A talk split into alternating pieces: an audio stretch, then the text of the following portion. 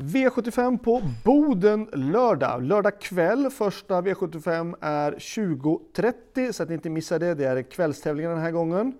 Eh, vi inleder med V75 1 som jag tycker är eh, ett tänkbart spikförslag faktiskt. Nummer två Global Dash var vinnaren i spårlottningen. Daniel Wäjersten har ju flera hästar med här i loppet.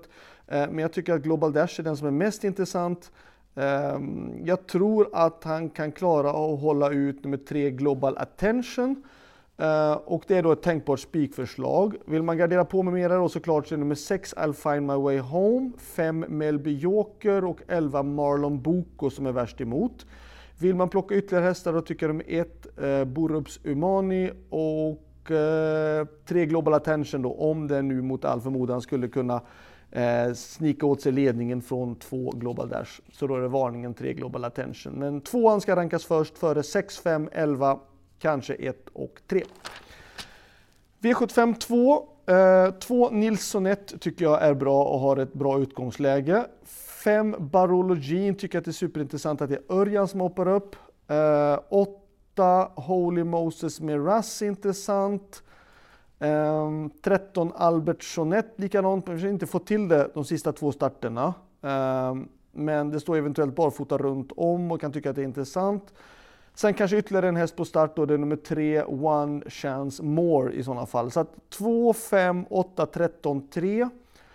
Eh, varningen, då kan jag tycka att det är nummer 4, Melby Illusion. Mats Djuse hoppar upp och kör den här Roger Nilssons häst, den andra hästen. Och det kan också vara också ett intressant drag i loppet.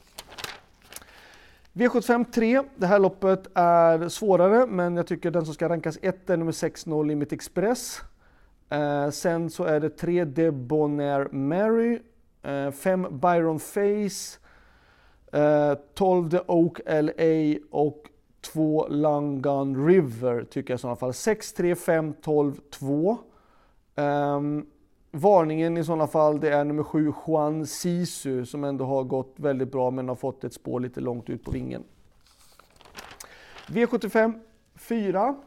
Um, jag tror att nummer 6 Across the World spetsar och vinner det här loppet. Hästen är snabb ut, Rickard Skoglund är också snabb ut. Eh, jag tror faktiskt att han rycker spets av ett burn notice och jag tycker att det är en bra spik 6 eh, Across the World. Uh, värst emot, det är då ett burn notice. 8 sockerbox och 10 galant Ima tycker jag är värst emot. Um, ja, det är väl det jag kan tippa, typ, tippa emot i alla fall. Men det är spik på 6 across the world ändå i V75 4. V75 5. Eh, första häst är 8 Blomen Indal om man vill ha det som ett spikförslag då. Men det är spår 8 bakom bilen är inte särskilt roligt. Eh, men annars så blir det ett väldigt öppet lopp då. Det tycker jag nummer 2 Idomenio Sisu är bra. 3 Devils Tang är jättebra. 4 Laredo Boko, 5 LA Boko, 7 La Raja Vrishut och 9 Santos de Castella eh, är också bra. Så att 8, 2, 5, 4, 7, 3, 9 faktiskt. Jag tippar faktiskt 9 Santos de Castella längst bak utav dem tack vare att jag tycker det är så jämna bra hästar och samtidigt så kan säga har dragit sämsta möjliga utgångsläget såklart med spår 9 då ifrån de här. Eh, V75 6, det här loppet är svårare eh, också. Eh, tre utgångshästar och det är 4 Irma Sisu, eh, 11 Mahala och 13 Invidia. Där bakom tycker jag 6 Twins Lily, sen då 1 Olea Horely, 2 Samdi, vill man ta ytterligare hästar då är det kanske 7 Chrissy Symphony eh, eller 15 Endless Story i sådana fall. Men utgångshästar är 4, 11, 13. Där bakom då eh, 6, 1, 2 skulle jag tippa. V75 7. Eh, spik på såklart då nummer 1 Francesco Zet. Vi vet vad bra han är. Och eh, visst, Eh, det finns ju en risk att han kan bli fast i fällan, att två Castor de Star skulle kunna spetsa, men jag vet inte. Men jag kan tycka typ att jag tror att om Castor de Star trycker på för att försöka ta sig förbi Francesco Zet ehm, så tror jag att man släpper och jag kan tro även att om man laddar och inte kommer förbi så riskerar man också att förlora vinnarhålet och då ryker 400 000. Ehm, så att, jag ska inte säga så, jag tror säkert att man utman, försöker utmana med två Castore Star, men jag, det är väldigt bra betalt att ta vinnarrollen på Francesco Zet.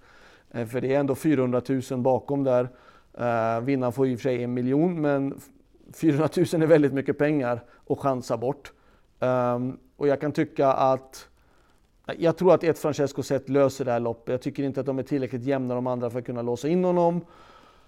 Och varningen i sådana fall är det fem Just Believe då, som ska gå barfota runt om. Och det är superintressant för att hästen gick ju också fruktansvärt bra i Östersund faktiskt. Det gick ju sakta på mellanvarvet och han spurtade otroligt bra ut i spåren. Och det är även lite svårt att ta sig förbi ut i spåren på just Östersund. Så att jag, jag kan tycka att Just Believe gjorde ett jättebra lopp och skulle nu Francesco komma bort på något sätt eh, oväntat sätt, oförväntat sätt överhuvudtaget. Eh, då är väl 5 Just Believe den som kan jag tycka är intressantast emot i sådana fall. Så det var allt. Lycka till så hörs vi vidare. Ha det bra. Hej då!